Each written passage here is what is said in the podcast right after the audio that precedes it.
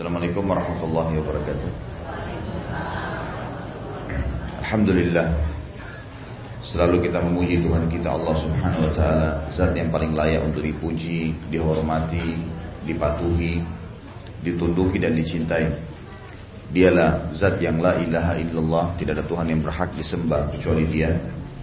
Dan Dia telah menggantungkan segala nikmat yang Dia berikan kepada kita dengan kalimat alhamdulillah. Maka sangat wajar kalau kita sering mengulangi kalimat yang mulia ini. Juga kita panjatkan salam hormat kita, salawat dan taslim kepada manusia terbaik, pimpinan Nabi, para Nabi dan Rasul dan juga anak Adam hari kiamat Nabi Muhammad Wasallam, sebagaimana Allah telah memberikan salam kepada beliau. Melanjutkan bahasan masih di masalah kitab pidana, hukum-hukum dalam Islam bagi orang-orang yang melanggar dan membangkang.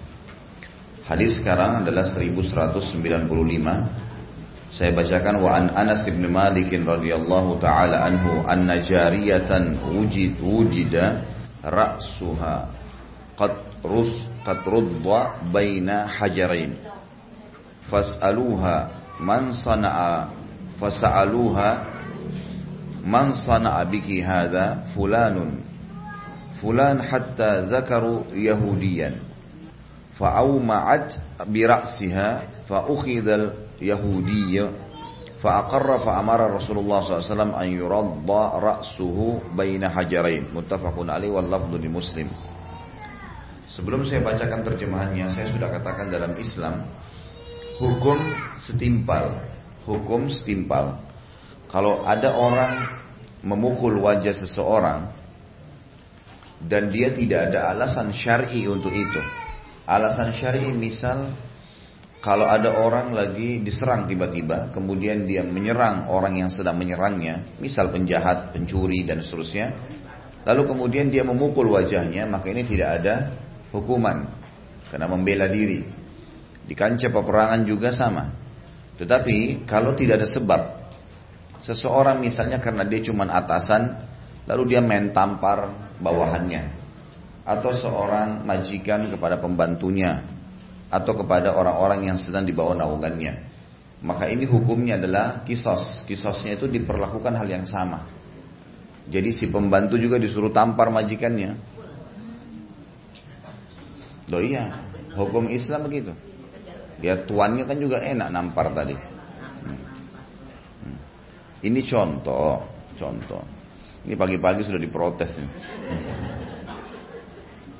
Jadi perilaku yang sama. Makanya tidak boleh. Nah.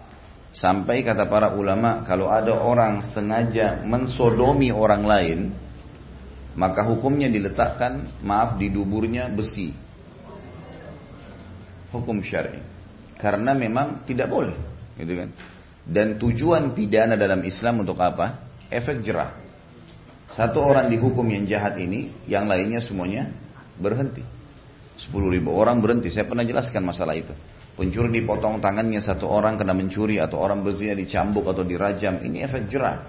Akan membuat mayoritas orang yang niat melakukan perbuatan buruk itu berhenti.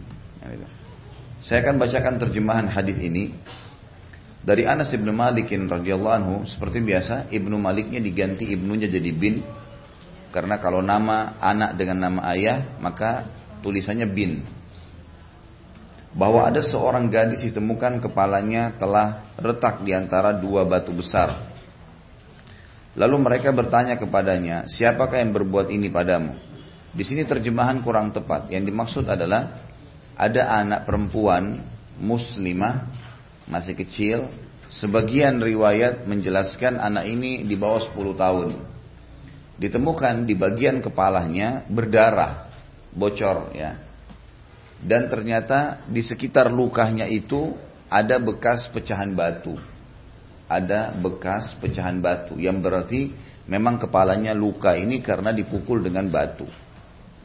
Maka si anak perempuan tadi ditanya, siapa yang melakukan ini padamu? Si fulankah? Atau si fulankah? Gitu. Hingga mereka menyebut nama seorang Yahudi. Gadis itu menganggukkan kepalanya. Karena pada saat anak perempuan ini ditemukan, dia sedang terjatuh dengan darah lagi ngucur di kepalanya. Dan yang terdekat di sekitar lokasi adalah orang-orang yang ada rumahnya di situ. Maka sahabat-sahabat yang menemukan anak gadis ini bertanya, si fulan kah yang melakukan ditunjuk rumah ini? Si fulan kah? Si fulan kah? Si fulan kah? Anak ini terus meng, uh, tidak mengatakan tidak sampai disebutkanlah ada seorang Yahudi di situ. Lalu ditangkaplah orang Yahudi tersebut dan ia mengaku. Maka Rasulullah SAW memerintahkan untuk meretakkan kepalanya. Terjemahnya kurang tepat ya. Maksudnya melukakan kepalanya di antara dua batu besar. Ya. Artinya dipukul dengan batu juga. Hadis ini muttafaqun ali dan lafadznya menurut Imam Muslim. Ada makna yang lain dari hadis ini adalah seorang Yahudi menemukan seorang anak kecil gadis muslimah. Kemudian tanpa sebab anak itu tidak buat salah, dipegang kepalanya, kemudian ada dua batu besar dimasukkan kepalanya anak itu di situ. Sehingga membuat luka. Sehingga membuat luka anak kepala tadi. Jadi di kiri kanan kepalanya mengeluarkan darah. Kalau makna yang pertama tadi di bagian tengah kepala ada luka yang dipukul dengan batu. Kalau ini enggak, memang kepalanya dimasukkan di antara dua batu itu. Sehingga kiri kanan kepala si anak gadis ini berdarah. Lalu anak gadis ini tidak bisa mengeluarkan kepalanya dari jepitan batu itu. Karena jepitan batu itu besar dua dan memang ukuran kepalanya di situ. Harus dikeluarkan dengan cara pelan-pelan. Kalau dipaksa maka akan lebih besar luka lagi. Kemudian lewatlah beberapa sahabat yang bertanya padanya sementara kepalanya masih dihimpit dengan batu itu. Untuk menjadi saksi para sahabat selain hati-hati jangan sampai salah mengeluarkan anak ini sehingga kepalanya tambah parah, maka juga menjadi saksi beberapa orang melihat kejadian tersebut. Ditanyalah, gitu ya, siapa yang melakukan ini padamu? Saking kesakitan anak ini tidak bisa menyebutkan, maka si para sahabat bertanya, si fulan kan, si fulan kan, si fulan kan. Sebab pertanyaan ini adalah karena si anak nggak bisa ngeluarin suara lagi karena kesakitan, gitu kan. Maka para sahabat terpaksa harus bertanya. Dan yang disebutkan adalah nama orang-orang yang ada di sekitar lokasi itu. Apakah rumah fulan ini? Ini yang melakukan, si fulan kayak melakukan. Terus saja dia tidak mengiyakan, tidak menggelengkan, tidak menganggukkan kepalanya sampai ya ada disebutkan nama seorang Yahudi. Tentu di sini uh, Yahudi tersebut kebetulan memang tinggal di sekitar lokasi itu. Lalu ditangkaplah oleh para sahabat, lalu ditanyakan dan dia mengaku. Pada saat dia mengaku Rasulullah SAW menyuruh agar Yahudi ini dijepit juga kepalanya di lokasi yang sama. Dikeluarkanlah si anak perempuan ini, kemudian si Yahudi yang dimasukkan kepalanya di situ. Jadi memang sampai seperti itu hukumnya. Gitu. Saya ingatkan lagi kembali, terutama ibu-ibu ya, bapak-bapak di belakang saya sudah tahu kita soalnya sejenis kelamin. Gitu. Tapi kalau ibu-ibu ini biasa suka terbawa perasaan. Saya sudah bilang, kalau bahas masalah cerai, jangan bayangkan cerai. Bahas masalah nikah, jangan bayangkan nikah. Ini bahas masalah pidana, nggak usah dibayangkan. Ini hukum syari. Yang kita ambil adalah pelajarannya. Apa pelajarannya di sini? Kalau ada orang berbuat satu perbuatan yang salah, maka dia dihukum yang setimpal, yang sama. Itu, itu yang dimaksud di sini. Jadi kasus ini terjadi untuk mengeluarkan atau keluarnya sebuah hukum siapa pun yang berbuat salah akan dibalas hal yang sama. Saya kasih contoh tadi memukul, menampar, menonjok, menendang. Semua ini kalau bukan karena dia hanya membela diri atau di kancah peperangan, maka ini tidak boleh. Sebagian ulama memasukkan bolehnya orang tua kepada anak, tapi pukulan mendidik. Kalau sampai pukulannya tidak mendidik, Memang misalnya dia karena menganggap ini anak, main sembarangan saja dipukul. Ada sebagian orang tua begitu, subhanallah. Sedikit saja diganggu dia mungkin karena lagi asyik minum atau lagi makan, anaknya main dipukul. Maka ini perlu dilaporkan kepada hakim dan hakim punya hak untuk menghukum si orang tua tadi. Tapi kalau mendidik maka nggak masalah. Dan saya sudah pernah sebutkan khusus masalah pendidikan anak ini, Bapak Ibu sekalian, dianjurkan untuk menjauhi pukulan. Jauhi pukulan. Selalu gunakan lisan. Tapi dia masih belum bisa berubah. Benar. Sabar.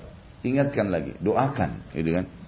Rangkul dia. Insya Allah dengan rangkulan itu dia akan bisa berubah gitu.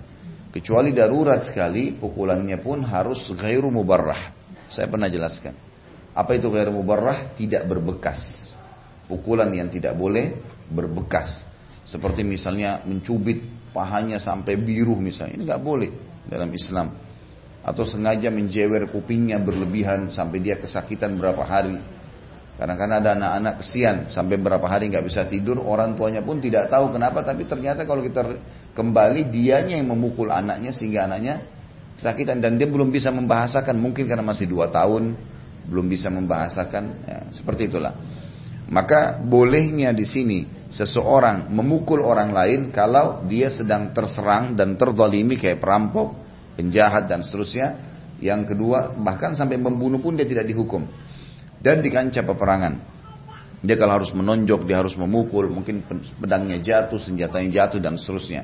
Dan sebagian ulama memasukkan orang tua boleh memukul kalau dalam konteks mendidik dan tidak boleh berbekas, gitu kan? Makanya di sini kita bisa harus kembali, ibu-ibu terutama kembali kepada pendidikan anak dalam Islam. Yang saya sudah pernah sempat sampaikan tentang poin-poin seperti itu. Baik, hadis ini memberikan pelajaran kepada kita bahwasanya setiap perbuatan kriminal atau pidana maka dibalas hal yang setimpal. Dia ambil uang, ditarik uang dari dia. Dia memukul, dia akan dipukul. Dia menginjak, dia akan diinjak. Dan seterusnya. Ya.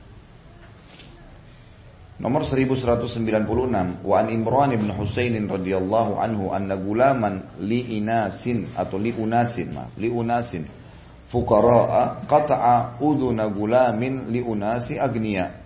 Fa atau sallallahu alaihi wasallam falam yaj'al lahum syai'an. Rawahu Ahmad wa thalatha bi isnadin sahih.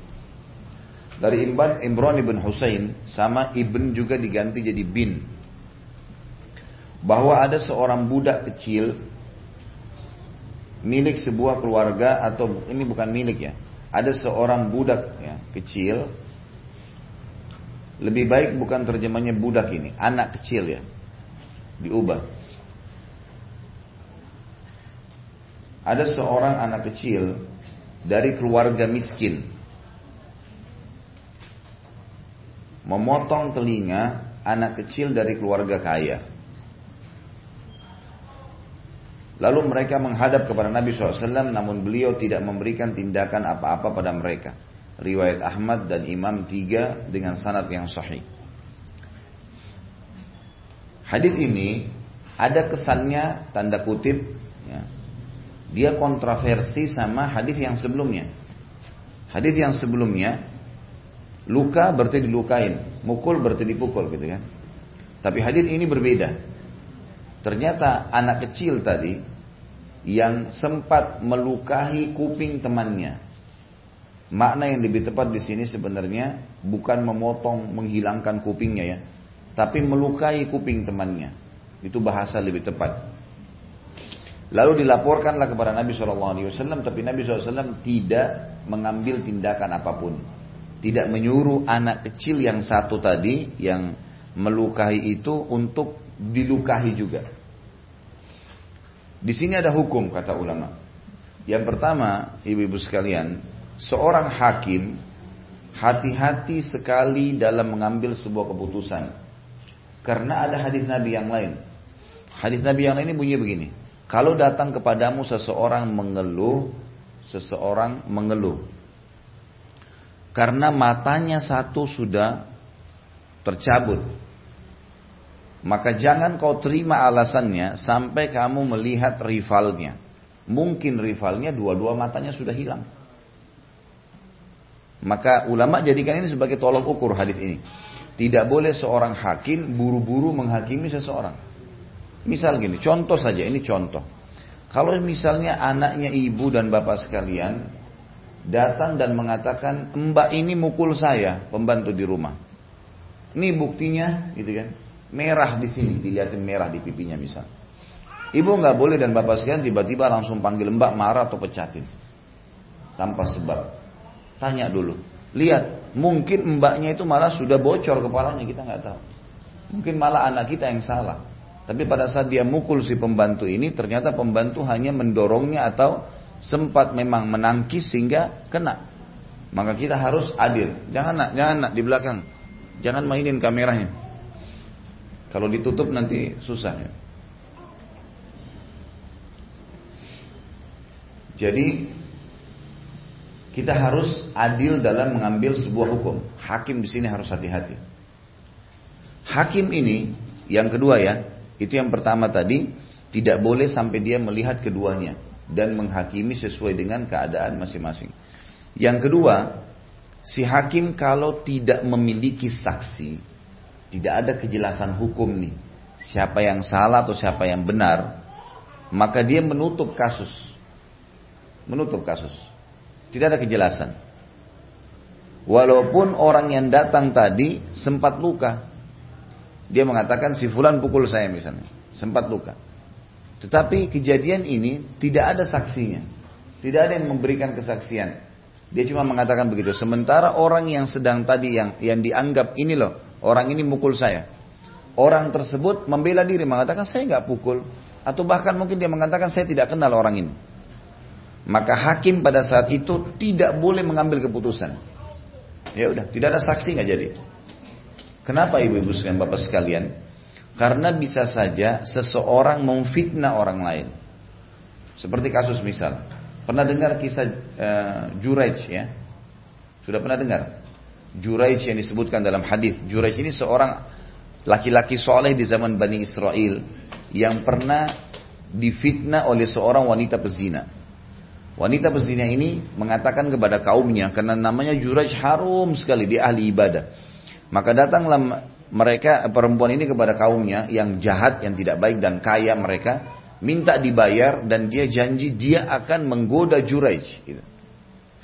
Maka mereka pun mengatakan kalau kau bisa silahkan apa saja kau minta kami kasih. Datanglah wanita ini ke tempat ibadahnya si Juraj ini. Ini terjadi di Bani Israel ya. Juraj ini punya tempat ibadah seperti kalau kita sekarang musola di tempat agak tinggi. Jadi kelihatan oleh kaumnya, terkenal orang kalau tanya apa-apa kepada dia, orang kalau minta didoain ke dia. Masuklah perempuan ini dengan segala perhiasan yang dia gunakan dari wangi-wangian, bajunya terbuka dan seterusnya masuk ke tempat ibadahnya dan sengaja ditutup pintu sama dia. Dia berusaha menggoda Juraij tidak bisa. Sama Juraij diusir, sama Juraij diangkat suara. Sengaja supaya orang dengar gitu. Diusir sama dia. Sampai perempuan ini akhirnya takut dilukai oleh Jurej, dia pun membuka pintu lalu dia pergi. Ya. Rupanya perempuan ini sakit hati, Bapak Ibu sekalian. Dalam riwayat sahih hadis ini disebutkan, lalu dia pergi kepada pengembala kambing. Satu lalu dia berzina dengan pengembala kambing itu dan bertepatan dengan masa suburnya, hamil memang sengaja. Dia mau hamil gitu. Karena dia ingin mengejar hadiah yang dikasih oleh orang-orang kaya di kaumnya itu dan ingin merusak namanya si Juraij ini. Ingin merusak namanya Juraij. Gitu kan. Yang terjadi adalah dia berzina hamil. Pada saat dia hamil, dia datang ke kaumnya. Beberapa bulan kemudian dia mengatakan ini anaknya Juraij. Kaumnya spontan. Karena mereka yang tadi mau buat fitnah buat Juraij ini memang tahu si perempuan itu masuk.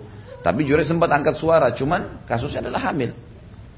Yang terjadi kaumnya spontan menggiring Juraj dikeluarkan dari tempat ibadahnya, tempat ibadahnya dihancurin. Dihina-hina segalanya.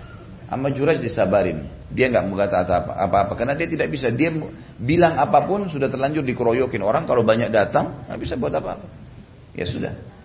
Subhanallah pada saat perempuan itu melahirkan maka datang Juraij pada saat itu ke rumahnya pada saat masyarakatnya juga masyarakat lagi ngumpul di rumah itu karena kelahiran tadi, ini si perempuan ini sudah mendapatkan apa yang dia inginkan dari orang-orang kaya. Dia udah kaya raya sekarang. Dia undang orang untuk merayakan lahirnya anaknya. Maka dalam hadis ini disebutkan Juraij sempat menekan perut bayi tersebut dan mengatakan, "Bicaralah dengan izin Allah siapa ayahmu." Maka dia sebutkan, "Ayahku si pengembala kambing." Bayi itu bicara. Ini tentu ada hadis Nabi SAW yang berbunyi ada tiga orang berbicara dalam buayan. Nabi Isa alaihissalam, Juraij, bayinya Juraij ini, dan yang ketiga adalah anak bayi yang sedang digendong oleh ibunya pada saat terjadi kisah ashabul ukhdud. Ya di Al-Quran dikatakan, Kutila ashabul ukhdud an-nari dhatil waqut. Ingat, tahu hadis ayatnya? Itu tentang ashabul ukhdud, parit, dibuat oleh Raja Yahudi yang jahat dia ingin membunuh orang-orang Nasrani yang beriman pada Allah pada saat itu. Maka dia buat api yang besar, dia paksa mereka kembali ke agama Yahudi, Nasrani nggak mau. Ini sebelum Islam ya. Jadi orang-orang Nasrani dalam keadaan benar. Maka dibuatlah parit yang besar, dibuat api besar, lalu didorong-dorongin orang dibakar yang tidak mau. Itu jumlahnya 20 ribu orang. Salah satunya adalah ada seorang ibu gendong bayinya. Maka ibu ini ragu tuh mau loncat ke api. Ini loncat gak ada bayinya. Nah bayinya ngomong, ibu loncatlah kamu dalam keadaan benar. Itu salah satu bayi dari tiga yang berbicara di buayan. Salah satunya anak Jurej. Maka ulama mengatakan ini efek daripada ya, orang menghakimi hanya karena tidak ada saksi. Kan itu. Tadi kan Jurej langsung dihakimin gara-gara perempuan ini buat fitnah. Makanya tadi saya bilang dalam syariat Islam kalau ada orang yang datang berantem atau bukan berantem, dituduhlah, gitu kan. Ini si fulan nih utang sama saya. Si fulan nih pukul saya. Kemudian datang ke hakim. Dia nundukkan, ini saya pernah diutangin sama si fulan. Yang orang dituduh mengatakan, tidak, saya nggak pernah utang. Bahkan saya tidak kenal orang ini. Maka hakim punya kewajiban tanya kepada orang yang menuduh, kau punya saksi nggak? Nggak ada saksi, ditutup majelisnya. Makanya ibu-ibu dan bapak sekalian supaya aman kalau mengutangkan orang ada saksi, ada sesuatu yang tertulis gitu kan. Ya, atau ada yang tahu lah minimal, gitu kan. Ada yang tahu sehingga memang atau orang juga yang diberikan uh, utang ini punya tanggung jawab. Memang dia beritakan kepada keluarganya saya punya utang sama si fulan yang akan saya bayar dan seterusnya. Maka terjadilah hal yang bisa dijadikan sebagai saksi. Jadi jangan dengan modal, kita tahu ya, jangan modal kepercayaan saja. Karena ternyata banyak kasus yang terjadi, hampir semua kasus yang masuk di pengadilan karena nggak ada saksi, nggak ada bukti. Akhirnya orang yang zalim selamat. Gitu kan. Ini hukum syari yang kita ambil daripada hadis tadi. Jadi kalau dia mau menghakimi hakim, dia harus memastikan kedua orang yang menuduh dan dituduh hadir dan dia melihat ya dari uh, hasil yang dilihat dengan mata kepalanya. Dari kalau tidak ada luka di tubuhnya maka dari cara pertanyaan yang dilemparkan.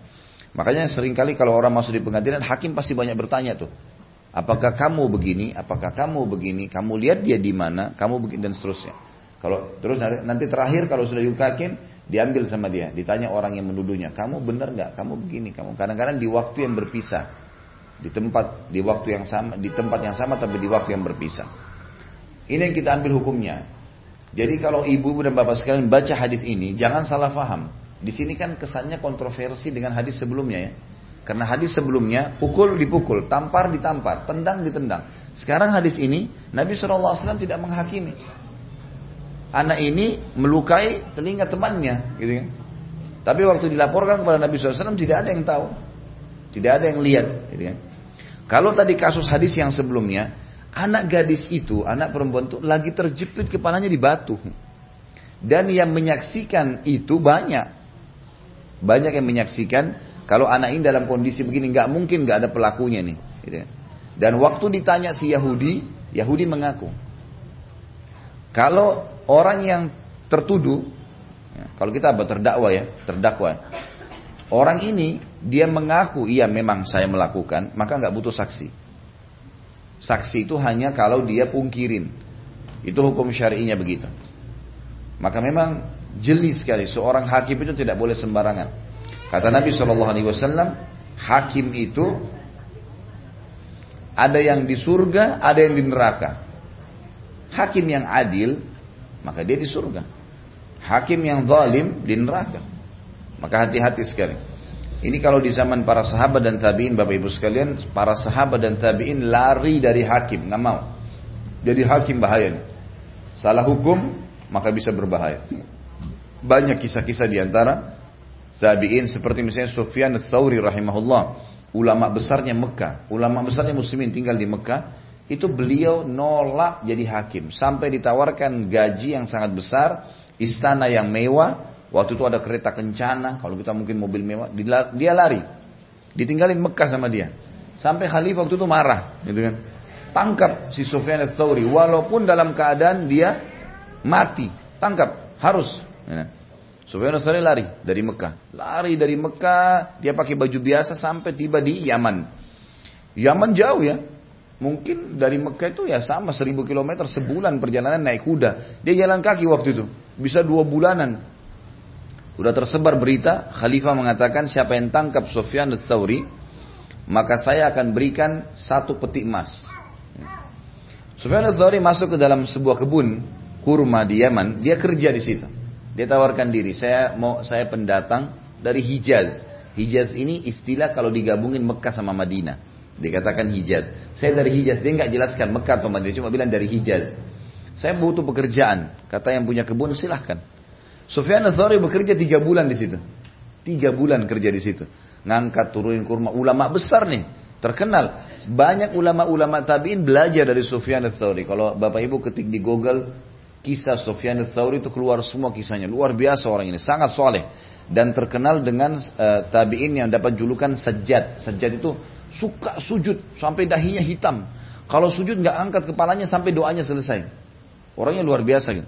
Dan terkenal juga salah satu tabi'in yang mustajab doa. Dia kalau berdoa diterima sama Allah. Maka Sufyan al-Thawri ini masuk di kebun tersebut. Ini biasanya dikasih contoh oleh para ulama tentang kisah muru'ah. Muru'ah itu menjaga ke, kesucian hubungan sama Allah gitu.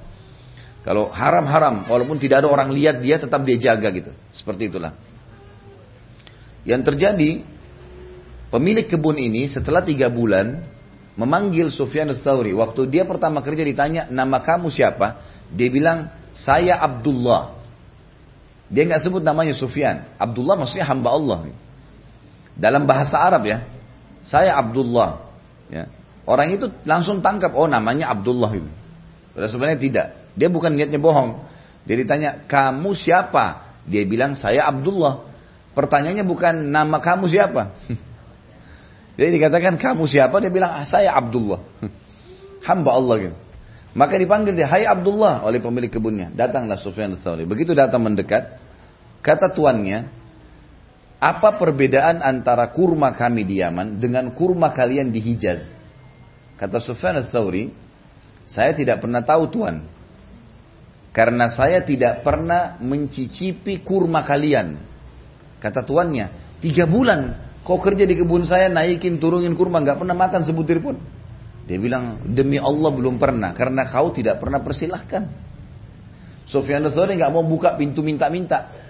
Tuannya nggak persilahkan. Bayangin kerja begitu nggak pernah makan satu kali pun gitu.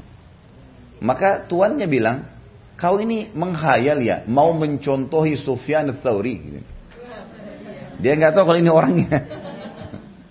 Dia pergi ke kebun temannya sebelah, dia bilang sama temannya, ada pegawai saya itu aneh. Masa tiga bulan kerja turunin, naikin kurma, sortir, pilih yang bagus, yang buruk dipisahin. Tidak pernah makan satu kali butir pun kurma.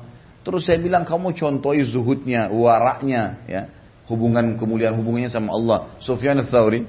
Temannya jeli, dia tanya, sebentar, sebentar. Ciri pegawaimu seperti apa tuh?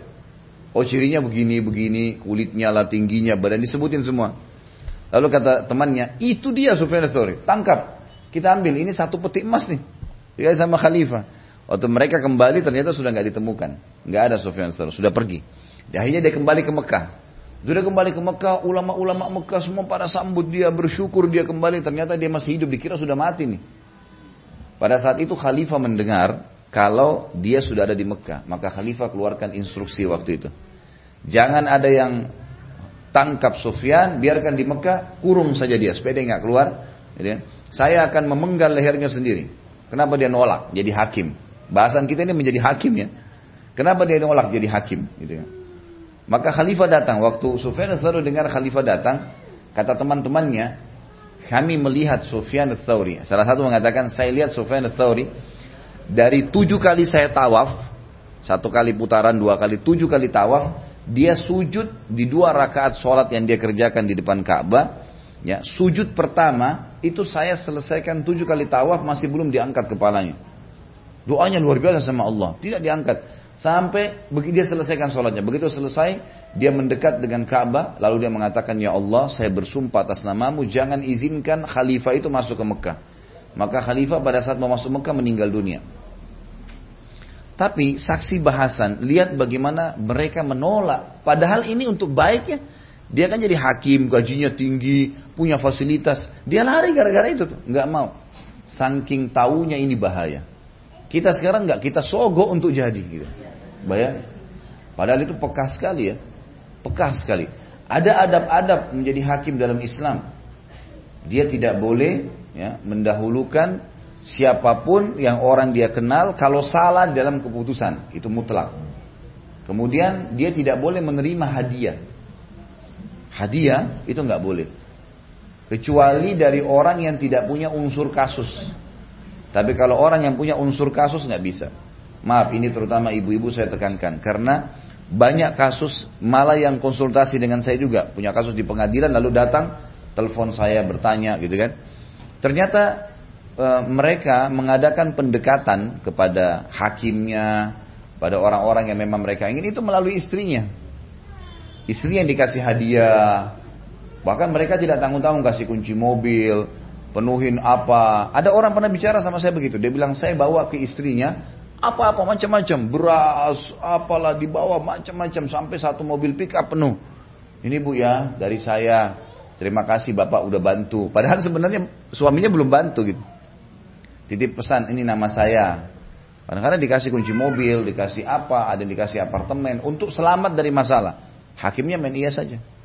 Ada orang pernah punya kasus di Irian membahasakan ke saya, dia punya surat-surat resmi untuk mengeluarkan kayu gaharu dari Irian ke Jakarta. Ditahan oleh pihak aparat, kemudian eh, aparat minta uang, dia nggak mau kasih. Loh kenapa saya harus bayar? Sementara surat-surat semua ini peraturan pemerintah ada. Coba di lobby kekeluargaan lah ini butuh dia nggak mau kasih, gitu kan? Karena permintaannya besar, nah, dia nggak mau kasih. Juga mungkin pada saat dia kan sudah ikut pengajian dia nggak mau nih, ini bahaya sogok nih untuk apa saya kasih? Ternyata kasusnya dari aparat keamanan pindah ke aparat kehakiman nih, sudah masuk ke hakim diangkat. Jadi map-mapnya ternyata ditumpukin tuh. Dan orang yang bayar duluan, ya, atau orang yang tidak bayar sama. Orang yang bayar itu malah kasusnya ditutup. Orang yang tidak bayar, itu kan, malah kasusnya mapnya dibawakin terus, jadi nggak selesai-selesai permasalahannya. Begitu terus dia bilang. Dan ini hampir standar. Saya coba tanya, hampir semuanya standar. Saya bukan menyalahkan hakim-hakim di Indonesia. Semoga Allah jaga. Saya tidak kenal mereka secara individu satu persatu. Tapi saya bicara kasus yang ada di lapangan seperti itu. Sehingga hanya terbengkalai. Dan dia bilang, saya pun ditelepon oleh hakim-hakim jaksa pada saat itu. Telepon dia bilang, kemudian dia minta nih, dia tahu nih, ini e, kasusnya ini kalau nggak mau diangkat, tolong beliin ini dong. Kalau mau ke Jakarta, pesan beli ini ya, pesan beli ini ya. Terus dia dirongrong sampai bertahun-tahun. Dan ini berbahaya. Malah mereka menunggangin jabatannya bukan untuk menghakimi manusia dengan adil, tapi malah mendolimi orang. Dan ini berbahaya, ini double. Banyak dosa-dosa. Ini yang dimaksudkan oleh Nabi SAW tadi. Kalau hakim itu ada yang di surga, ada yang di neraka. Selanjutnya 1197 hadisnya وعن عمرو بن شعيب عن أبيه عن جده رضي الله عنهما أن رجلا طعن رجلا بقرن في ركبته. فجاء إلى النبي صلى الله عليه وسلم فقال أقدني فقال حتى تبرع. ثم جاء إلي فقال أكدني. فأكاده ثم جاء إلي فقال يا رسول الله أرجتم فقال قد nahaituka fa asaitani الله وبطل عرجك ثم نهى رسول الله صلى الله عليه وسلم أن min من جرح حتى sahibu. صاحبه رواه Ahmad wa Darqutni wa wa uillat. Dari Amr bin Shu'aib ini sama semuanya. Ibn Ibn ini semua diganti jadi bin ya. Tulisannya harus begitu. Dari Amr bin Shu'aib dari ayahnya, dari kakeknya, radhiyallahu anhu majma'in bahwa seseorang menikam orang lain dengan tanduk di lututnya. Maka datanglah orang yang luka itu kepada Rasulullah SAW dan berkata, berikanlah tindakan balasan untukku. Maka beliau bersabda, tunggu hingga engkau sembuh. Kemudian ia datang lagi dan berkata, berikan tindakan balasan untukku. Maka Rasulullah SAW memberikan tindakan balasan untuknya. Kemudian ia datang lagi dan berkata, wahai Rasulullah, aku jadi pincang. Beliau menjawab, aku telah melarangmu, namun engkau tidak menurut padaku. Maka Allah memberikan kebina, kebina, kebinasaan padamu dan pincangmu tidak berguna lagi untuk menuntutnya. Kemudian Rasulullah SAW melarang karena suatu luka hingga ia sembuh. Riwayat Ahmad dan Darul Qutni dan hadisnya mursal. Saya jelaskan dulu yang dimaksud dengan hadis ini. Datang seseorang kepada Nabi Shallallahu Alaihi Wasallam, kemudian lututnya luka karena ditusuk tadi ya, oleh temannya. Diperlihatkanlah ya Rasulullah, ini kaki saya luka seperti ini.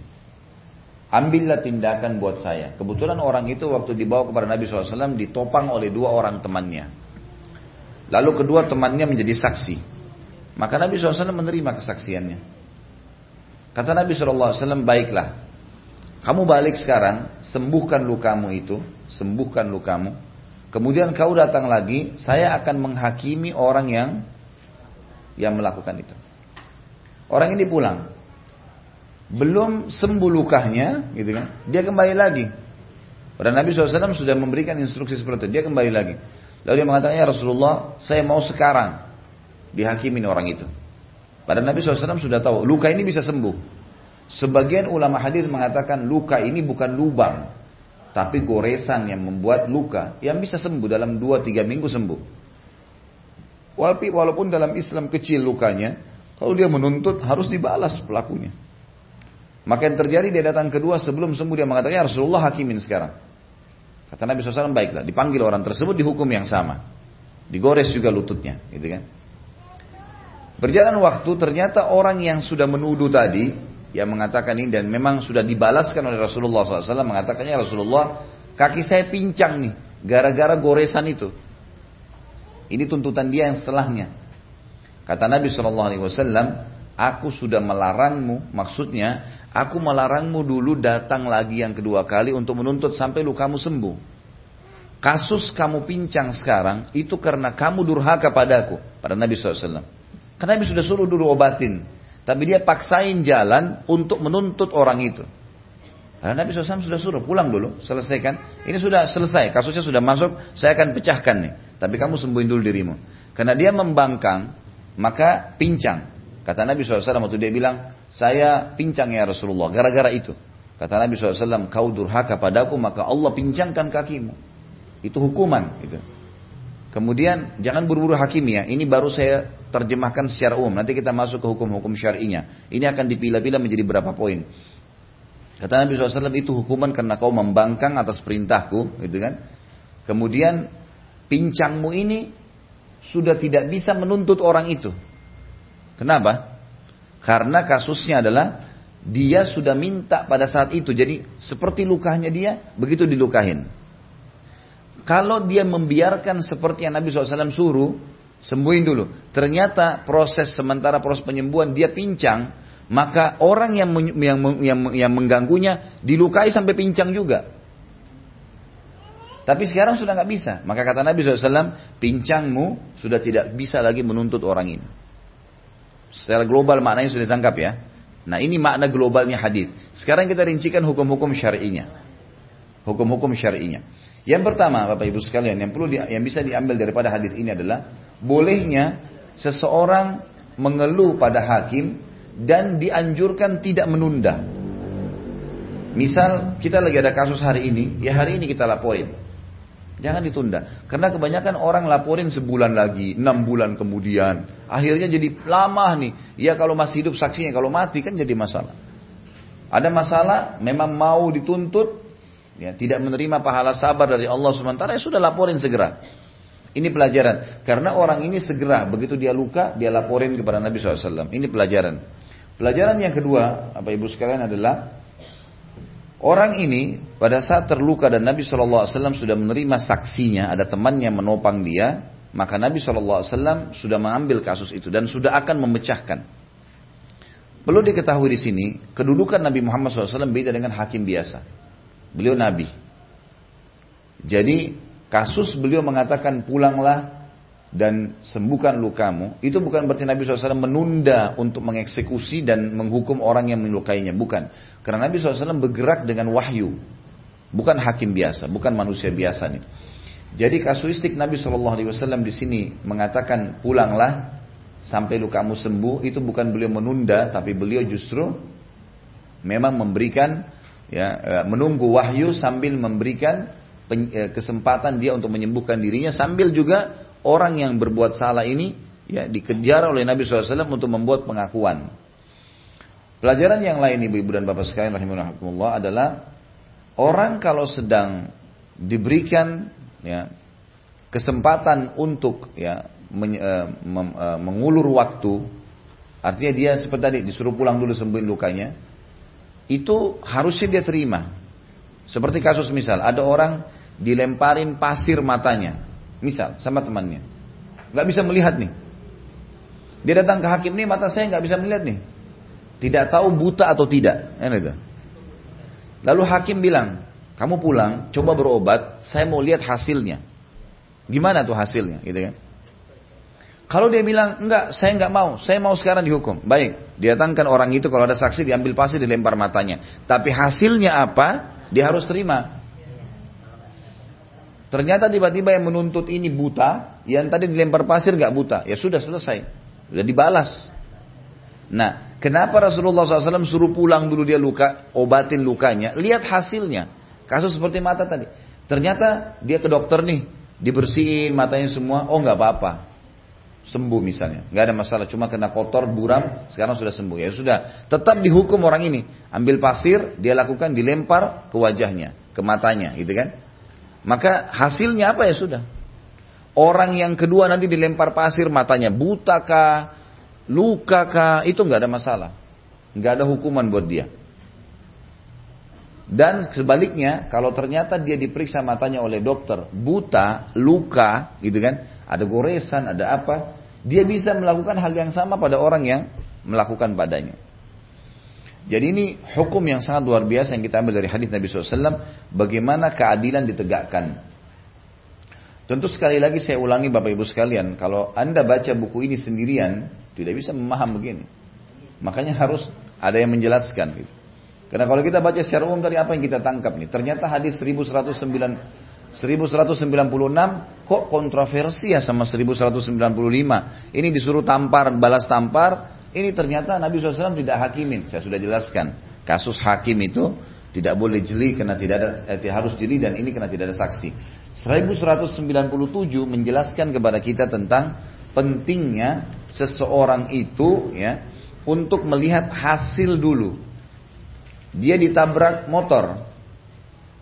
Kalau dia minta pada saat itu, misal kakinya pincang nih lagi jalan, keinjak motor. Sudah saya mau sekarang. Baik, datangkan orang yang tadi yang nabrak dia. Kalau saksi banyak, didatangkan motor tabrak juga kakinya. Nah, itu. nah sekarang, kalau ternyata orang yang tadi nuntut langsung pada saat itu, kakinya pincang benar, sementara orang yang dihukum ditabrakin juga kakinya nggak pincang, ya sudah risikonya. Tapi kalau hakim yang mengikuti cara Nabi SAW adalah dia menyuruh orang yang dilidas kakinya tadi ke dokter dulu kamu. Lihat, mungkin ada patah tulang, mungkin ada luka dalam, mungkin ada apa, baru dihakimin, baru dihakimin. Nah itu hak, hukumannya bisa setimpal dengan apa yang menimpa dia. Bisa ditangkap ya. Nah ini pesannya hadis tadi nomor 1197. Ya. Ini hukum Islam bukan masalah zaman dulu zaman sekarang. Hmm.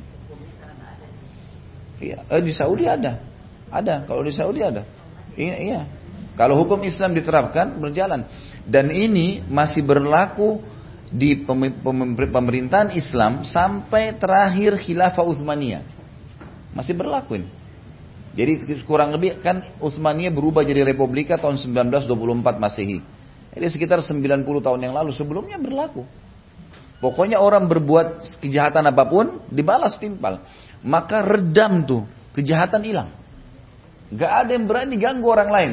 Ini ibu tarik baju temannya nih, sobek. Bajunya ibu ditarik sobek. Gak bisa. Emang sudah begitu hukumnya. Maka orang tidak berani ganggu ganggu orang lain. Dia buang sampah di depan pintu rumahnya orang, di depan pintu rumahnya dibuang sampah. Dia sengaja becekin jalan, orang kepleset, dia juga diplesetin. Begitu terus.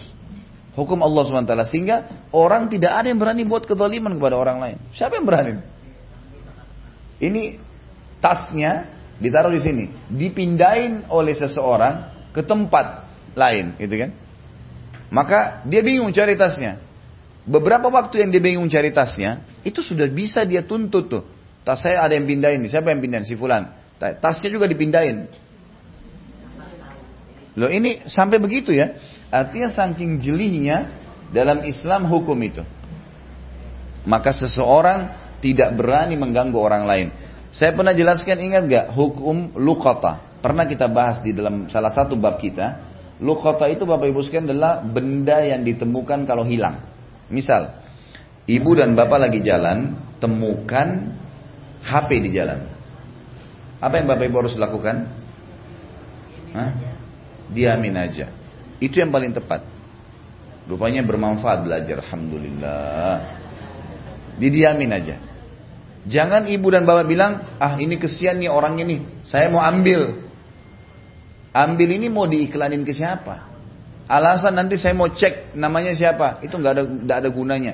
Kalau dapat pinnya, kalau enggak, bisa saja lima menit kemudian pemilik HP datang. Kita sudah jalan, gitu kan? Jangan disentuh. Dapat apa pun di jalan, nggak usah jadi pahlawan, harus saja.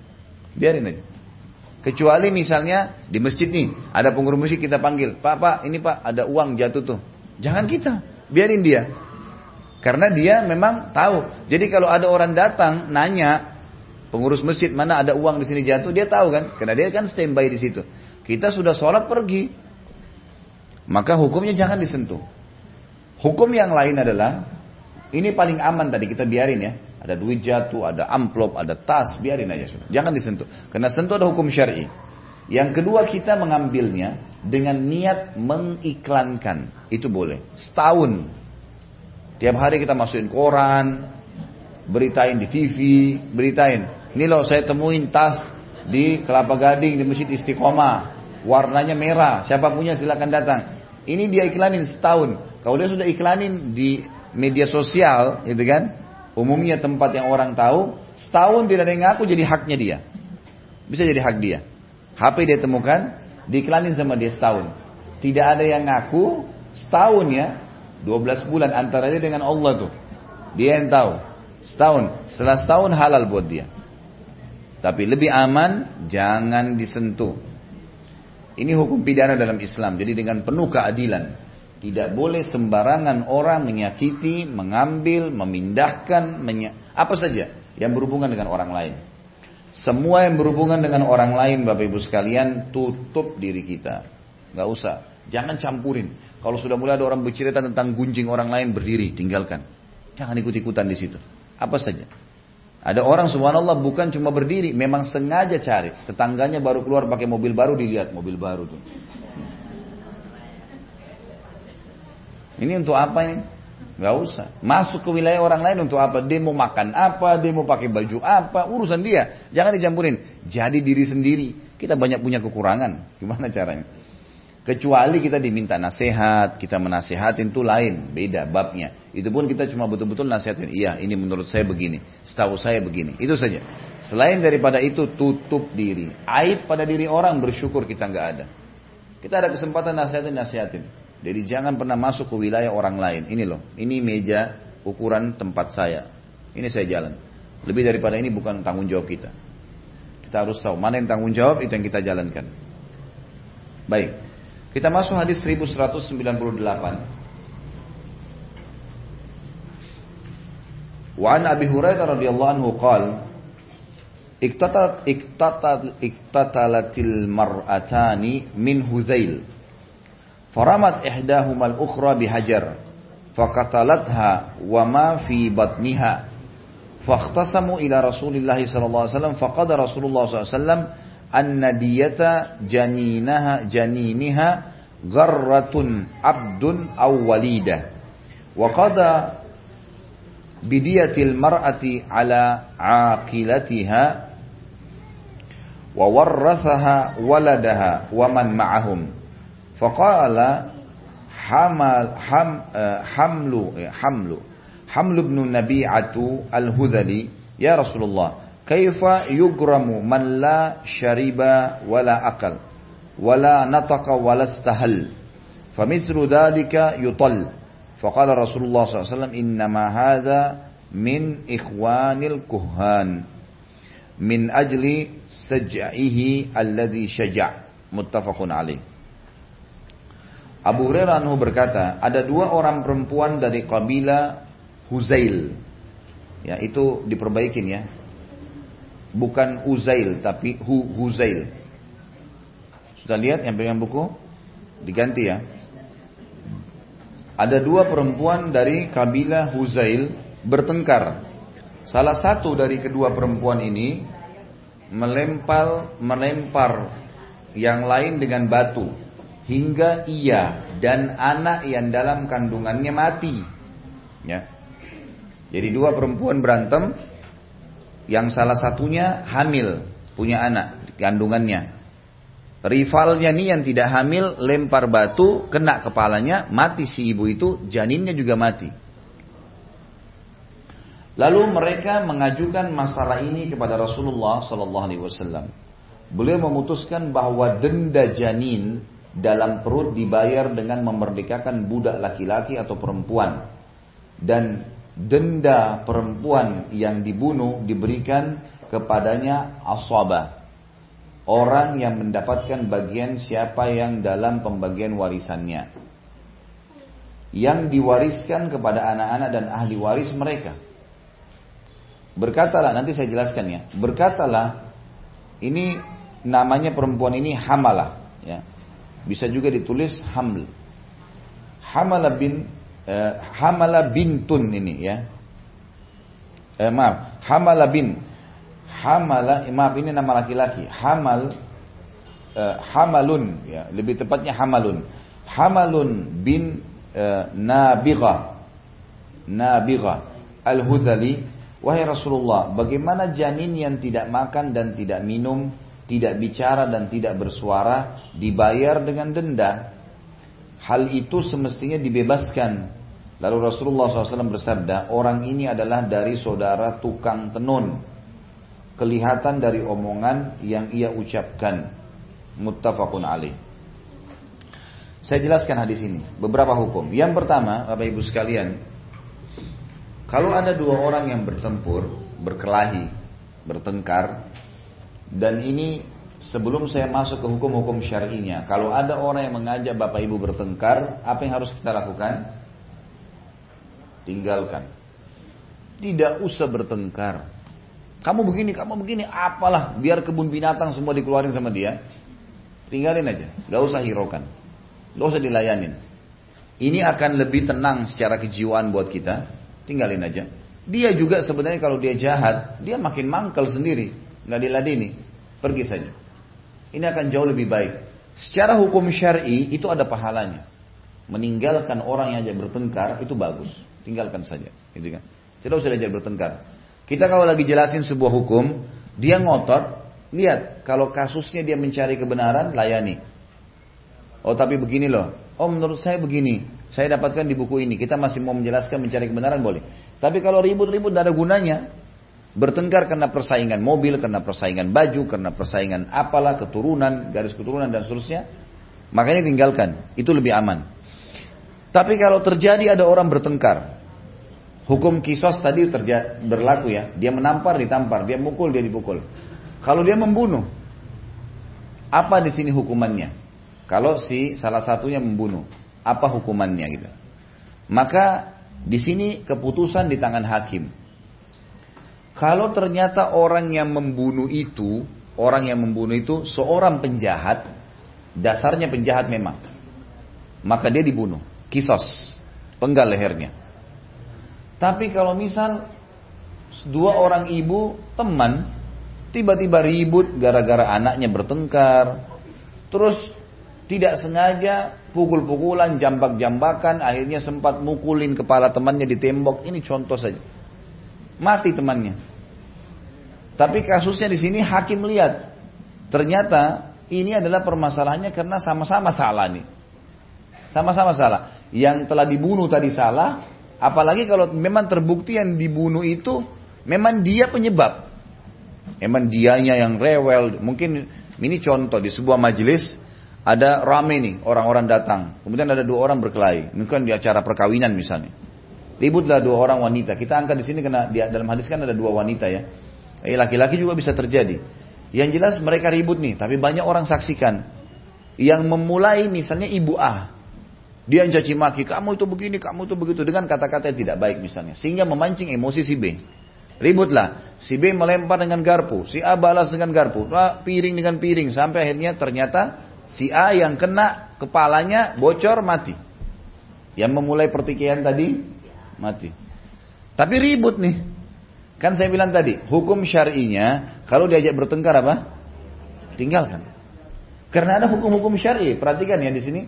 Kalau ibu layanin, pertama jiwanya ibu terganggu, yang kedua ada konsekuensi hukum. Ternyata si B, dia kan tadi dicaci maki nih, tapi dia layanin. Dia lempar piring, sana lempar piring, terakhir dia lempar piring kena kepalanya ibu yang caci maki dia mati sih yang mencaci maki nih. Apakah ada hukuman buat si B? Ada, karena dia layani. Permasalahannya dia layani, kalau dia tidak layani dia lepas dari hukum. Kalau dia jalan, yang si A datang pukulin kepalanya mati, dikisos tuh, dipenggal dia, si A. Gitu kan? Tapi permasalahan dia aja bertengkar, ini balas tengkar, ini lempar garpu, ini lempar garpu, ini lempar piring, mati si A yang memulai. Tapi karena si B ikut-ikut sengaja juga ikut bertengkar, dia kena denda, tapi tidak dikisos. Kenapa? Karena yang salah si A sebenarnya, yang memulai si A. Si B salahnya kena melayani. Hukumnya dia namanya, denda. Hukumnya denda. Apa dendanya? Nah kebetulan si perempuan tadi yang sedang di ini beribut nih dua-duanya. Ternyata dua-duanya salah nih. Cekcok mulut, ribut, lempar-lemparan batu. Ternyata ibu A hamil, lempar batu, ibu B lempar batu. Kena ibu A, bocor kepalanya mati. Dia lagi hamil, mati juga janinnya. Nah, gitu. Setelah dilaporkan kepada Nabi Shallallahu Alaihi Wasallam, Nabi lihat kasus ini dua-duanya salah nih.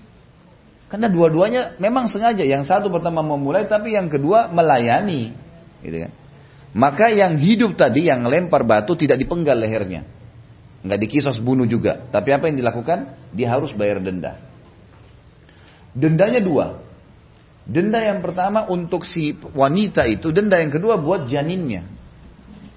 Karena dianggap dua nyawa yang dihilangkan. Ya. Di sini dikatakan dibayar denda. Nabi SAW memutuskan untuk membayar denda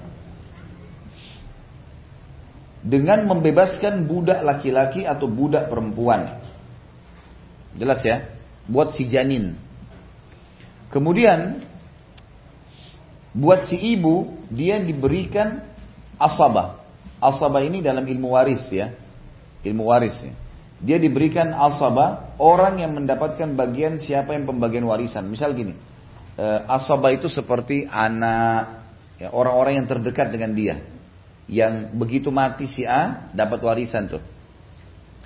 Posisi orang tadi yang dibunuh, ya, eh, maaf, ibu yang membunuh tadi si B, itu kan dia misal masih ada suaminya, masih ada orang tuanya, Posisinya adalah kalau orang tuanya mati, si ibu B tadi kan dapat warisan. Ya enggak? Nah, karena dia membunuh, maka hak waris dia diberikan kepada keluarganya keluar, keluarganya ibu si A. Bisa ditangkap hukumnya nih? Untung masih pagi-pagi belajar. Kalau sore nggak connect. Apalagi orang yang sibuk dengan tas, buka-buka, periksa.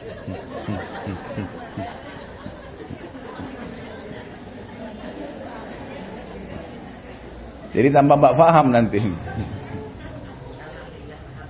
Alhamdulillah. Baik. Jadi sudah bisa ditangkap hukumnya ya. Saya ulangi kembali. Kalau dua orang bertengkar. Kalau bertengkarnya ini bertengkar biasa. Nyata cekcok mulut lah, caci maki masalah keluarga lah, persaingan mobil lah, apalah macam-macam. Gitu kan. Kemudian ribut dua orang dan dua-duanya jelas salah nih. Karena si A walaupun dia memulai ternyata si B hanya melayani. Maka kalau terbunuh si A, si B dihukum. Tapi hukumannya adalah ya denda. Janin kalau si perempuan tadi hamil, janinnya dibayar dengan bebasin budak laki-laki atau budak perempuan. Kalau ibu bilang misalnya Ustadz sekarang tidak ada budak. Baik, ditaksir ditaksir nilai budak. Seperti sekarang di Mauritania di Afrika, masih ada budak. Beberapa jemaah haji dari Mauritania, itu kalau mereka pergi haji sampai sekarang, mereka sering datang bawa budak-budak itu. Jadi budak-budak ini ternyata turun-temurun. Dari dulu mereka ada. Belum dibebasin sama tuannya. Nah itu kalau mereka haji mereka bebasin, jadikan ibadah. Kamu bebas, di 10 orang bebas. Begitu sama mereka. Nah itu nilainya yang saya tahu 10 ribu real. Ada beberapa yayasan LSM di Saudi yang menerima 10 ribu real untuk bebasin budak-budak itu. Nah kita misalnya taksir 10 ribu real.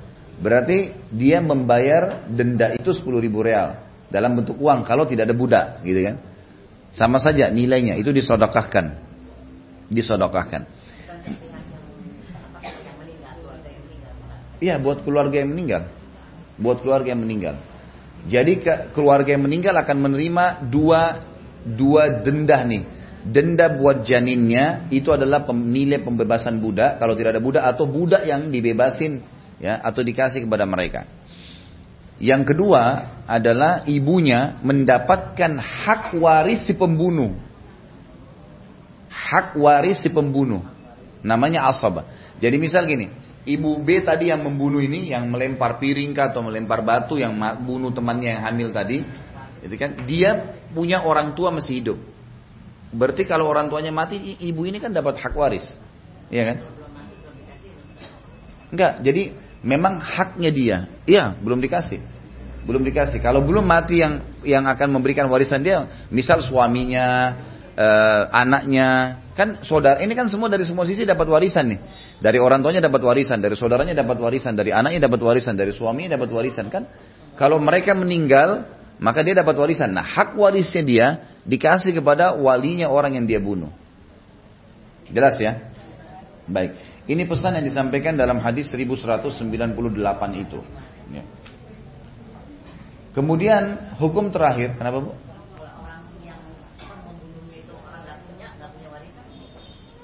Ya itu nanti hakim yang ambil keputusan.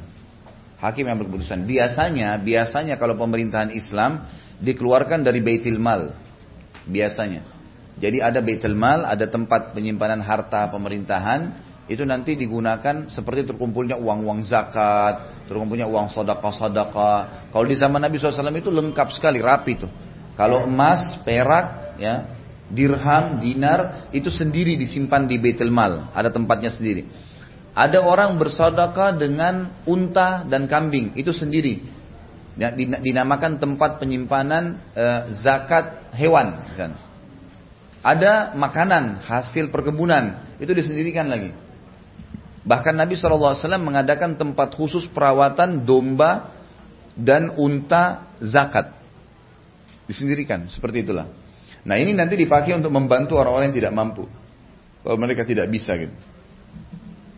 Baik, di sini ada perkataan lain dalam penutupan hadis adalah seseorang yang bernama Hamal Hamal bin Nabigha Al-Huzali berkata, Ya Rasulullah, janin tadi yang mati itu, yang terbunuh di perut ibunya, belum makan, belum minum, janin yang mati itu. Dia belum bisa bicara, apa urusannya? Kenapa harus yang membunuh ibunya tadi bayar juga dendanya si janin ini? Apa sebabnya? Maka di sini Nabi SAW sebutkan Orang ini adalah saudara tukang tenun. Maksudnya si ibu B tadi yang membunuh ini, ini bersaudara dengan dukun. Ngerti nggak? Dengan dukun. Ini ada hukum sendiri lagi. Ternyata kalau ada seseorang yang membunuh orang lain, perhatikan di sini membunuhnya bukan karena niat membunuh ya, lain, kalau ada seseorang wanita atau seorang laki-laki keluar niat bawa pisau ingin membunuh orang, mutlak dia dikisos. Ini tadi kita cerita ini kalau cekcok di acara pernikahan, cekcok di jalan, cekcok ini gitu-gitu. Kemudian bertengkar mulut terus sambil ambil berantem. Nah ternyata salah satunya ibu hamil. Nah kalau yang membunuh ini punya hubungan sama dukun, dianya dukun atau dia saudaranya dukun, maka dia kena hukuman harus bayar si bayi itu. Di sini hukum lain adalah kalau ternyata dia tidak ada hubungannya sama dukun, dia hanya membayar denda wanita yang dia bunuh, janinnya ndak. Ya itu hukum. Hukum Islam begitu. Nabi SAW tadi dengar perhatikan lafaz akhirnya bu, coba ibu lihat. Lafaz akhirnya gitu kan. Di sini ditanya oleh sahabat tadi, kenapa ya Rasulullah janin itu dikatakan sini tidak makan, tidak minum, tidak bicara dan tidak bersuara. Dibayar dengan denda. Kenapa harus bayar tuh janin tadi? Kenapa dibayar dengan ibu lihat? Hal itu semestinya dibebaskan. Kata Hamalah, bebasin aja mestinya ya Rasulullah. Ibunya aja yang dibayar gitu loh. Lalu Rasulullah SAW bersabda, orang ini, ini ibu ini yang membunuh, ya, adalah saudara tukang tenun, dukun. Kelihatan dari omongan yang ia ucapkan. Ternyata Nabi SAW mendapat wahyu, orang ini nih keluarganya keluarga dukun nih. Kenakan hukuman, gitu kan, kepada janin tadi. Kalau pertanyaan selanjutnya, kenapa harus begitu? Ini hukum Allah Subhanahu Wa Taala. Karena ada kadang-kadang subhanallah Bapak Ibu sekalian ada hukum Allah kita nggak bisa nggak semuanya kita bisa cari hikmahnya. Saya kan pernah kasih contoh ya. Kenapa sholat isya malam hari empat rakaat? Kenapa sholat subuh dua rakaat? Kenapa nggak dua rakaat juga isya? Ya Allah maunya begitu. Kita nggak bisa. Ya udah jalanin aja gitu kan. Karena pasti ada hikmah-hikmah di situ. Tapi yang jelas hukumnya Allah SWT begitu. Dan ini kemungkinan ada pendapat sebagian kecil ulama mengatakan ini termasuk ya ancaman dan hukuman kepada dukun-dukun itu. Sebagian ulama mengatakan wanita ini si B tadi dan ini lebih tepat pendapatnya. Wanita tadi yang membunuh si B adalah terlibat dalam perdukunan saudaranya. Allah alam ini yang lebih tepat. Pendapat ulama mengatakan sebab diberikan hukuman oleh Nabi SAW dari dia kepada anak yang dia bunuh tadi, dari ibu anak dari ibu yang dia bunuh, karena ternyata perempuan ini dia memang terlibat dalam perdukunan saudaranya. Jadi apa pun yang saudaranya berhubungan dengan dukun dia juga ikut-ikutan gitu Dia punya andil dan ini Allah alam makna yang lebih tepat. Karena bisa saja gini, misal seseorang di luar sana lah, tidak usah di sini seseorang baik, dia mukminah, dia mus, dia mukmin laki-laki dan perempuan mukminah, tapi memang saudaranya dia atau pamannya dia dukun. Dia tidak, dia sudah ingatkan, dia tidak terlibat, maka ini tidak ada hubungannya. Ini khusus karena dia punya andil. Seperti itu dan itu Allah alam penutupan hadis nomor 1198 yang lebih tepat. Ya, yang lebih tepat dalam memahaminya seperti itu. Baik. Ini ada masih ada beberapa hadis ya yang akan kita bahas tapi ini hadis-hadis ini hampir serupa dengan hadis tadi. Saya tidak tahu dilanjutin atau kita buka pertanyaan dulu, Bu. Pertanyaan dulu. Baik, silakan. Ada yang mau bertanya sampai sini? Mana yang pernah pukul temannya nih? ya. Bentar, ibu jilbab biru yang duluan. Silakan.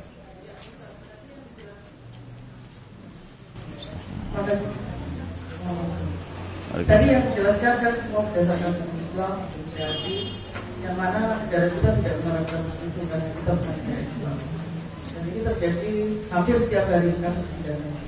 Ini yang pernah saya alami. Jadi begini, uh, apakah kita harus kalau hakim sudah memutuskan, apakah kita tetap harus mematuhi uh, putusan hakim tersebut? Sedangkan di satu sisi misalnya kita tidak bersalah. Ini contoh kasusnya begini, mobil berhenti, motor nyelip, dia jatuh, dia meninggal.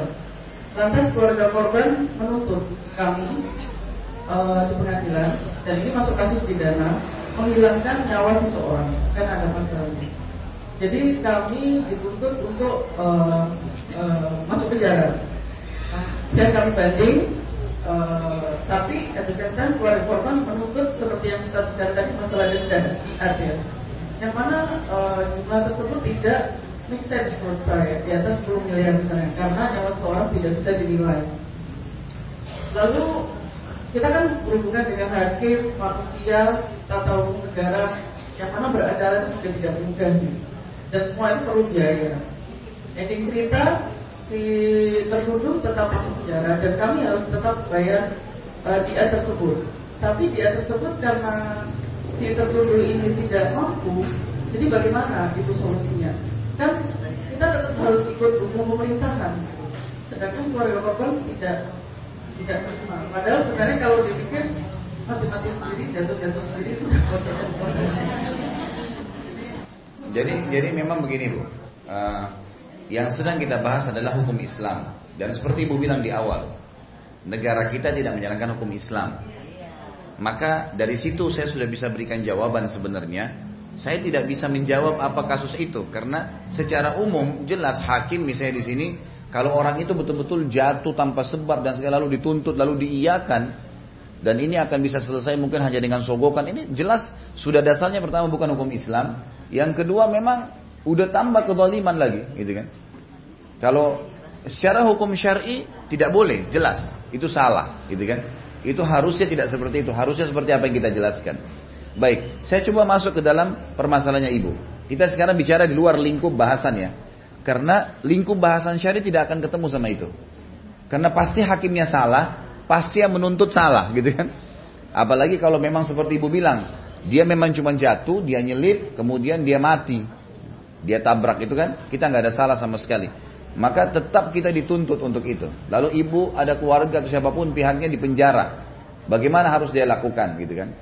Maka kalau saya bicara ke permasalahannya ibu, berpas daripada hukum Allah. Karena hukum Allah itu salah. Maka saya membahasakan yang pertama, ibu anggap itu adalah sebuah cobaan dan musibah. Maka yang paling pertama, kalimat istirja, innalillahi rajiun.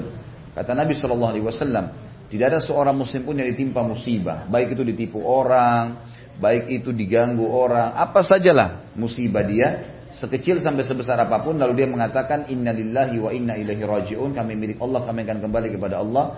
Allahumma ajirni fi musibati.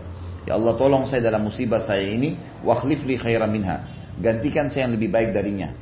Maka pasti Allah akan gantikan yang lebih baik darinya. Ini janji. Allah dan Rasulnya menjanjikan itu. Maka jangan dianggap remeh untuk mengucapkan kalimat istirja dulu. Karena ibu lagi dicoba. Ini lagi difitnah gitu kan. Terbawa dalam arus harus sudah tidak salah disuruh bayar lagi denda gitu kan. Itu yang pertama dulu, bersabar, istirja. Yang kedua, ibu coba ikhtiar. Maksimal kayak tadi adu banding, tunjukkan gitu kan, mungkin cari di sekitar lokasi itu mungkin masih ada orang yang menyaksikan kejadian, Apalagi kalau di jalan raya yang kita bisa cari mungkin tukang parkir, mungkin penjual minuman, mungkin apa. Kita punya hak membawa saksi di pengadilan, gitu kan? Ini loh, mereka-mereka ini melihat.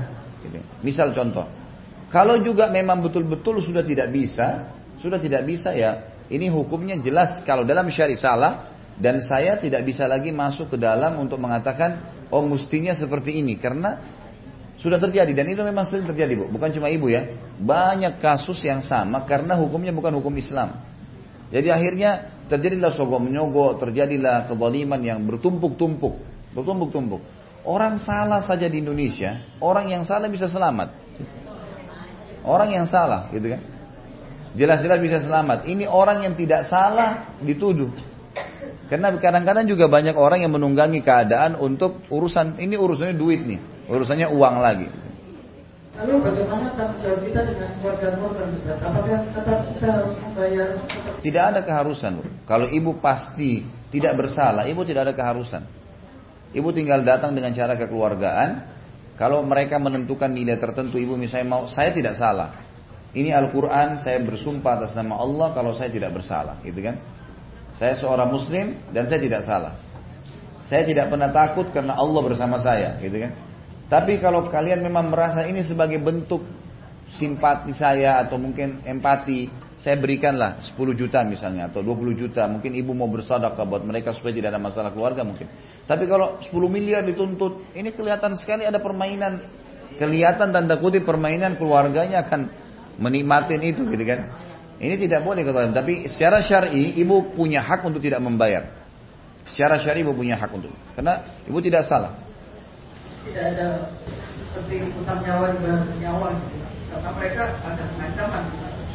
Gak usah khawatir. Ibu kalau belum datang ajal, gak bakal mati. Mati itu di tangan Allah SWT. Mau diancam dengan seribu ancaman, apa urusannya? Tidak kita tidak salah. Gak bisa. Ibu gak usah khawatir. Allah bersama dengan orang beriman. Mereka bisa mengatur tipu daya apa pun, mereka bisa mengancam apa pun. Ibu punya hak untuk melapor kepada aparat pemerintah aparat misalnya atau ibu punya hak untuk menolak, tapi insya Allah tidak ada masalah. Dengan izin Allah, tidak usah terlalu takut. Orang-orang kalau berbuat zalim menggunakan ancaman tidak usah dipedulikan. Ada lagi? Mudah-mudahan tidak banyak punya kasus nih. Tadi ibu mau tanya kan? Maaf, ini duluan nih. Ya, ibu jilbab merah dulu, silakan.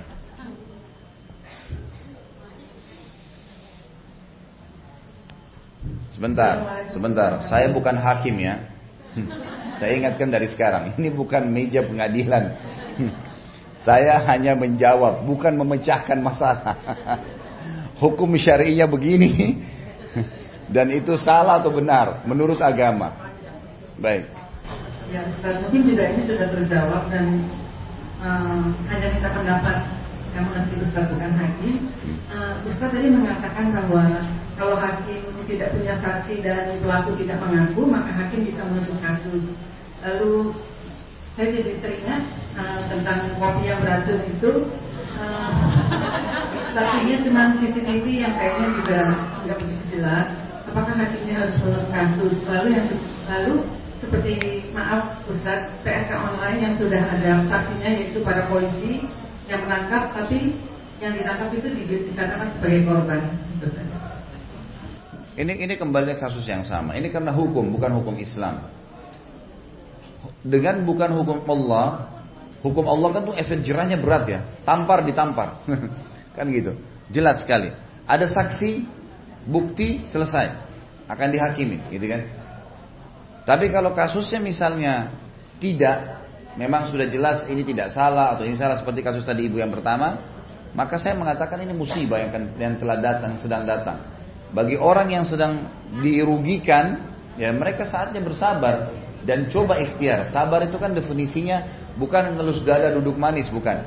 Tapi sabar itu adalah menerima sebagai takdir Allah dulu. Ibu bangun pagi flu, Ibu terima dulu itu sebagai cobaan dari Allah. Kemudian ikhtiar minum obat, itu namanya sabar. Jadi kita terima sebagai cobaan dari Allah sambil kita ikhtiar. Bercoba, coba semaksimal mungkin, berusaha. Jadi kan? Kasus di sini hakim yang kita bicarakan, oh ini nanti sudah ada bukti tapi hakim tutup kasus. Ya hakimnya bertanggung jawab. Tidak usah terlalu kita, tidak usah terlalu kita dalam ke sana. Kita tahu ini kezaliman, hakimnya urusan. Apalagi kalau tidak ada hubungan sama kita ya.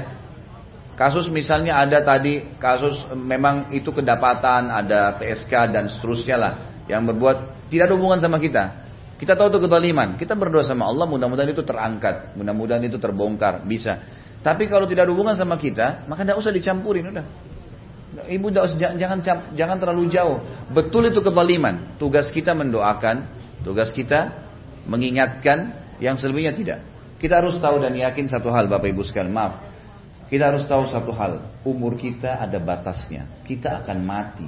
Allahu alam. Apakah hari ini kita masih bisa tidur nanti malam atau tidak? Insya Allah panjang umur. Tapi kalau kita mati, selesai. Orang yang berbuat zalim dan orang terzalimi demi Allah akan mengambil haknya di akhirat. Tidak, mustahil tidak. Itu mahkamahnya Allah tidak akan pernah lepas, nggak ada. Pastinya itu, gitu kan? Itu sudah dipastikan. Sampai saya jelaskan kemarin.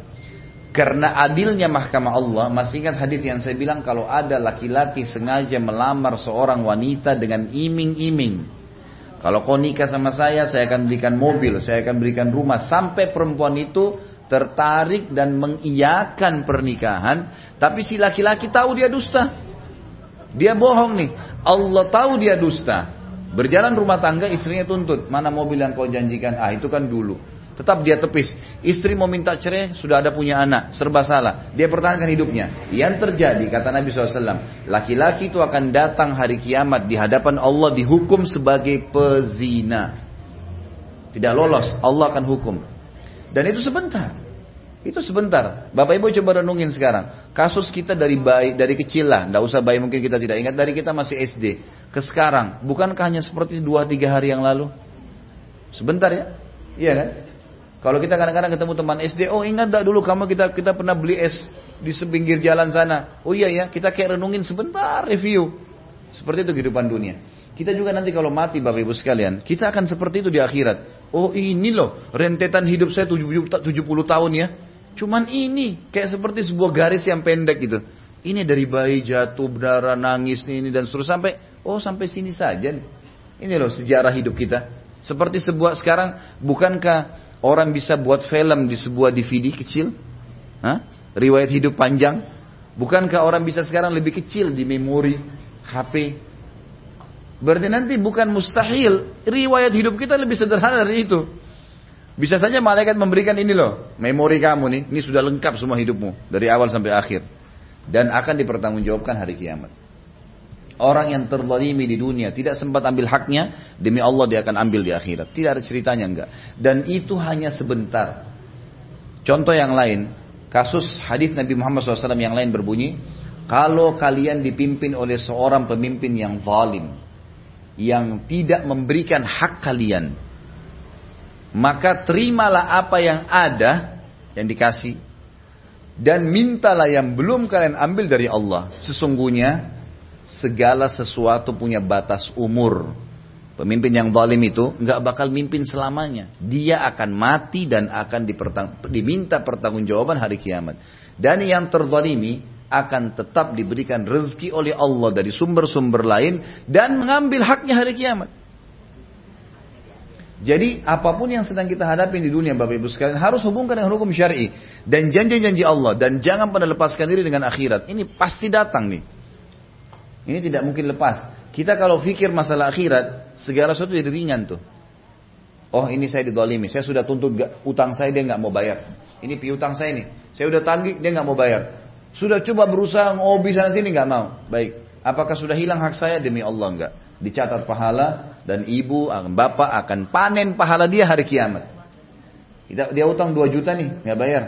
Akhirat kita nggak terima lagi 2 juta rupiah rupiah nggak laku. Dua juta pahala kamu sini, diambil, dikasih. Jadi nggak ada nggak ada sesuatu yang hilang. Orang beriman tahu masalah itu. Tidak ada kezaliman di muka bumi ini seberat apa pun yang tidak sempat diambil oleh pemilik haknya di dunia kecuali dia akan dapat di akhirat. Pasti, pasti itu. Itu rukun iman kita. Iman yang kelima, iman kepada hari kiamat. Masuk dalamnya kematian, pembangkitan, hisab, surga dan neraka. Jelas bu ya? Baik kalau gitu kita tutup dengan kafaratul majlis. Semoga bermanfaat insyaallah. Subhanakallahumma wa bihamdika asyhadu an la ilaha illallah wa atubu ilaik wassalamualaikum warahmatullahi wabarakatuh